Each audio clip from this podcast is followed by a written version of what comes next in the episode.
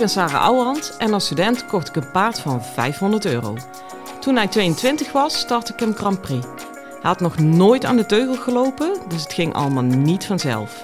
Het enige wat ik zeker wist was: never quit. Ik verslond alles wat ik kon vinden over de biomechanica van ruiter en paard. Dat testte ik net zo lang totdat ik wist wat echt werkte. In deze podcast leer ik jou alles over je rijtechniek, je houding en zit en je mindset. Want ook jij kan naar de Grand Prix gaan, zelfs als je geen miljoenenpaard hebt. Hey lieve paardenmensen. Nou, dag 2, dag 2, dag 2 zit erop. Oh, van tevoren denk ik altijd van poeh, vier dagen. En het, ja, weet je, hoe cliché wil je hebben, maar het vliegt echt voorbij. Natuurlijk zeker voor mij. En ik sta de hele tijd uh, lessen te stampen. Dat betekent niet dat het uh, uh, fabriekswerk is of lopende bandswerk. Helemaal niet. Maar ja, ik, ben, ik zit er gewoon zo in met mijn aandacht de hele tijd. Ja, dan is het ook echt uh, met een oogknippertje voorbij. het voordeel voor mij in Deurne is dat ik lekker thuis kan slapen. Dan moet ik wel iedere keer een uur op heen en een uur terug. Maar dat is voor uh, mij eigenlijk is het het wel waard. Ik heb bij die hotels, ja weet je, het klinkt altijd super leuk. Van, uh, ik ben ergens naartoe en ik heb er een hotelboeking bij. klinkt vooral heel interessant hè, als je dat wil. Maar uh, geef mijn portie maar aan Vicky. Geef mij maar gewoon mijn vertrouwde omgeving. Daar blijf ik veel stabieler op. En veel uitgeruster. En ik heb ook nog het voordeel dat mijn programma wel zo loopt dat als ik thuis kom dat de kinderen al in bed liggen. Dus ik kom ook wel echt uh, in een opgeruimd, gewassen en gestreken huis thuis. Want zo is mijn man dan ook wel weer. Ja, dan laat mij maar eventjes in die auto zitten. hey, uh, ja, waar gaan we het over hebben? Ik heb gemerkt, en dat is heel erg leuk. Het is eigenlijk ook de eerste keer dat dat ontstaat in deze groep. In een groep dat het uh, een beetje een themadag is geworden. En dat was gisteren uh, ook al. Gisteren was het schoudercontrole tot, tot, met hoofdletters. En vandaag was het ritme houden. En het is echt niet zo dat ik van, van tevoren een thema bedenk. Nou, dat zou ik nog kunnen doen ook. Maar dan nog blijf ik altijd kijken van ja, thema allemaal helemaal leuk. Maar wat heeft deze ruiter en dit paard nodig? Maar het was echt, nou ik heb nou negen ruiters. Bij zeven mensen heb ik daarmee kunnen werken dat het ook echt klopte. En bij twee heb ik een andere afslag uh, genomen. En de kracht is dan dat ik met iedereen het heb gehad over ritme ruimen, rijden. En ja, het is wel fantastisch, want ik heb nou de range uh, B tot en met Grand Prix letterlijk in de groep. Dat je heel goed kan zien wat ik met iemand doe die op B-niveau zit, hoeveel dat te maken heeft met hetgeen wat ik vervolgens met een Grand Prix ruiter doe. En um, ja, dat het eigenlijk echt wel hetzelfde is, maar natuurlijk ook wel weer heel anders. Want anders zou ik die Grand Prix ruiter geen recht doen. Maar vooral, waar ik altijd op timmer, leg alsjeblieft meteen een goede basis. En eigenlijk, weet je, welk artikel van welke trainer je ook leest, allemaal zeggen ze ja, het begint met een goede basis, het begint met een goede basis. Dat is wel zo, maar wat is dat dan? Dat is vaak het probleem. Hè? Um, weet jij veel dat goed halt houden te maken heeft met een goede piaf? Ja, hopelijk weet je dat inmiddels door deze podcast. Maar snap je dus, we kunnen het wel gaan blijven roepen over een basis. Maar we kunnen elkaar veel beter leren. Wat is dan die goede basis? En hoe zit dat dan in elkaar? Um, ja, weet je, daar gaan mijn trainingsdagen over. En dat ritme rijden. Ja, dat was fantastisch. Want dat is, als iets nou bij iedereen hetzelfde zou moeten zijn, is het dat. En toch is het bij iedereen weer anders. Uh, en vooral de vertaling daarvan. Kijk, die dame die in september Grand Prix gaat starten. Zij is heel erg zoekende in hoe ga ik een vloeiende proef die lekker doorloopt. Nou, ik denk dat de hele hippieswereld daarin zoekt. Maar dat was in ieder geval de vraag van waarmee ze bij mij kwam. Uh, er is ook iemand anders, joh, die durft nog niet eens over starten na te denken. Want dat paard is heel heftig. Uh, ik moet ook zeggen, respect hoe ze erop zit. Want ja, zij, zij kan zo geaard blijven op een paard dat echt door het dak heen gaat van de energie. Dat doe ik haar niet na. Terwijl ik haar wel heel goed kan helpen natuurlijk. Want bij haar gaat ritme rijden helemaal natuurlijk niet over het rijden van een goede Grand Prix proef. Maar op het moment dat zij heel steady in haar eigen ritme zit, kan haar paard daarop ankeren. Want bij haar hebben we echt maar één prioriteit. Hoe houden we dat paard met zijn aandacht in zijn eigen lichaam en dus bij haar? Want het is een volbloed op het moment dat hij uit zijn lichaam schiet. Qua energie en aandacht. Nou jongens, maak je borst maar nat. Wordt gewoon echt, echt, echt gevaarlijk. En zolang hij met zijn aandacht in zijn lichaam blijft, heb je er echt een heel leuk paard aan. Het is ook nog een zweetvos. Ja, dat is bij mij yes. Ehm, dus ja, het is zeker de moeite om dat paard uh, goed op zijn voeten te krijgen.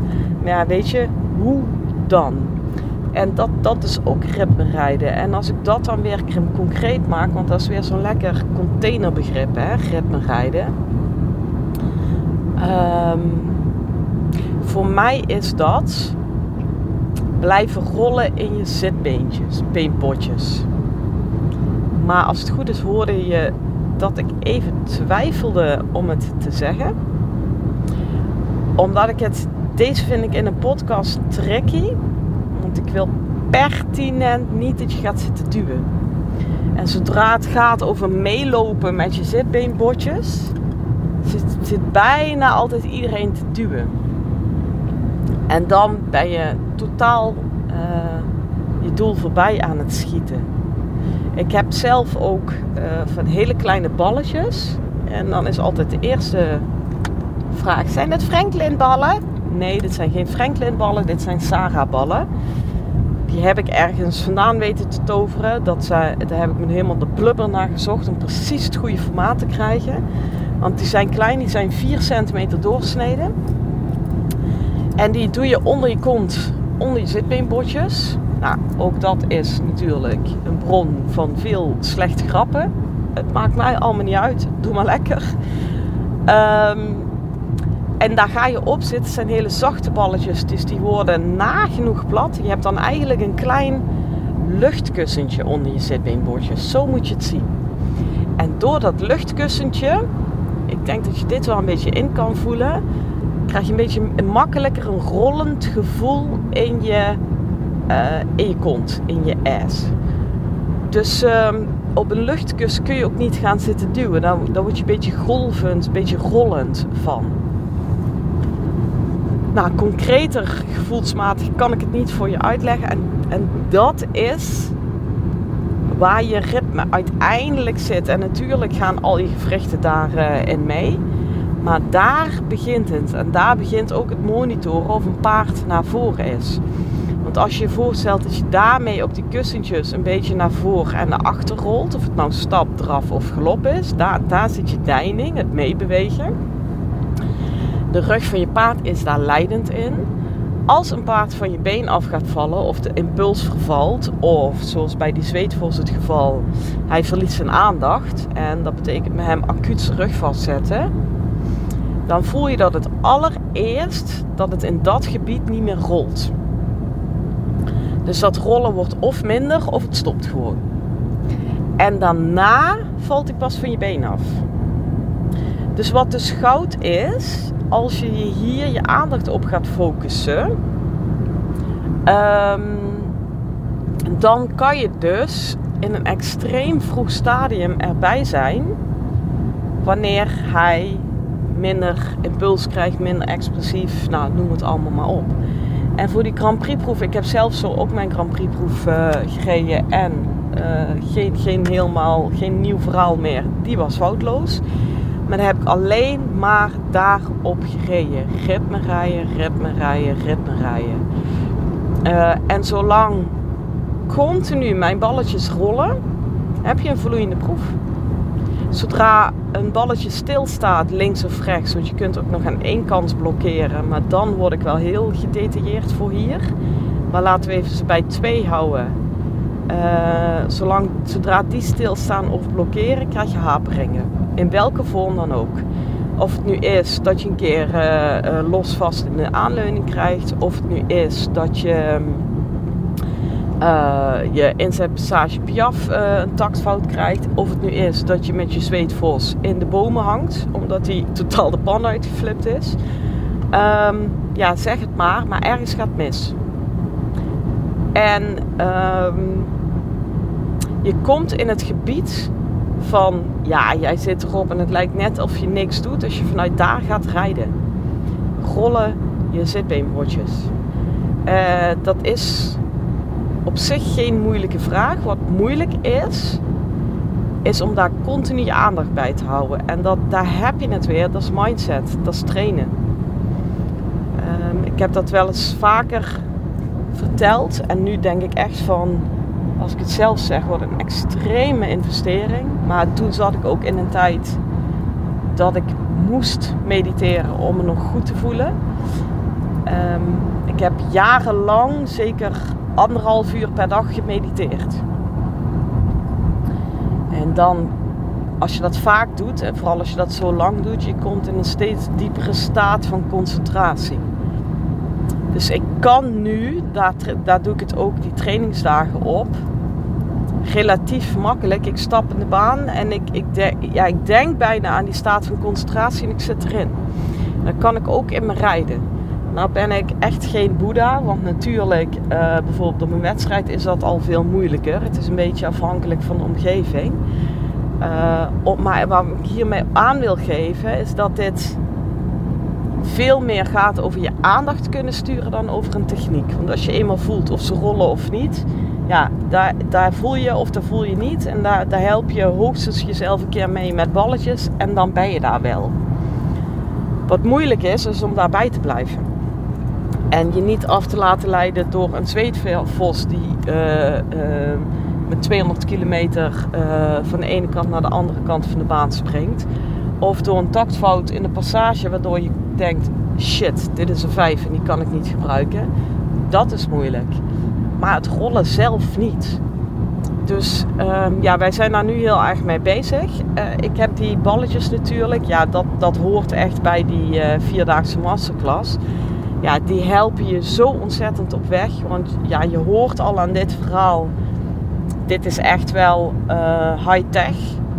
Echt zeer, zeer specifiek en klein gericht rijden. Maar ik hou er heel erg van om hele moeilijke dingen super simpel te maken. Ja, dat is dus gewoon met die, met die balletjes. Um, dan kom je heel makkelijk in dat gevoel. En op het moment dat je, dat je dat verliest, dan pak je gewoon even weer die balletjes van de kant. Dan stap je daar weer een rondje op. Dan kom je terug in het gevoel en dan kun je weer doorrijden. En je zult merken in het begin zit je bijna de hele les op die balletjes. En je gaat steeds vaker en steeds langer weg kunnen leggen. Ja, zo werkt het leerproces. Hè? Dus dat is ideaal. Ik heb mijn, uh, die Grand Prix wedstrijd heb ik er zelfs op ingestapt. Ja, het is altijd een beetje een awkward moment. Dat je het moment dat je ze onder je kont vandaan moet halen. Dat iedereen denkt van wat haal jij uit je kont? Nou ja, het zal allemaal wel. Dus ik gooi ze dan gewoon aan de kant met het gezicht van ja, heb jij nooit ballen onder je kont? Het zal wel.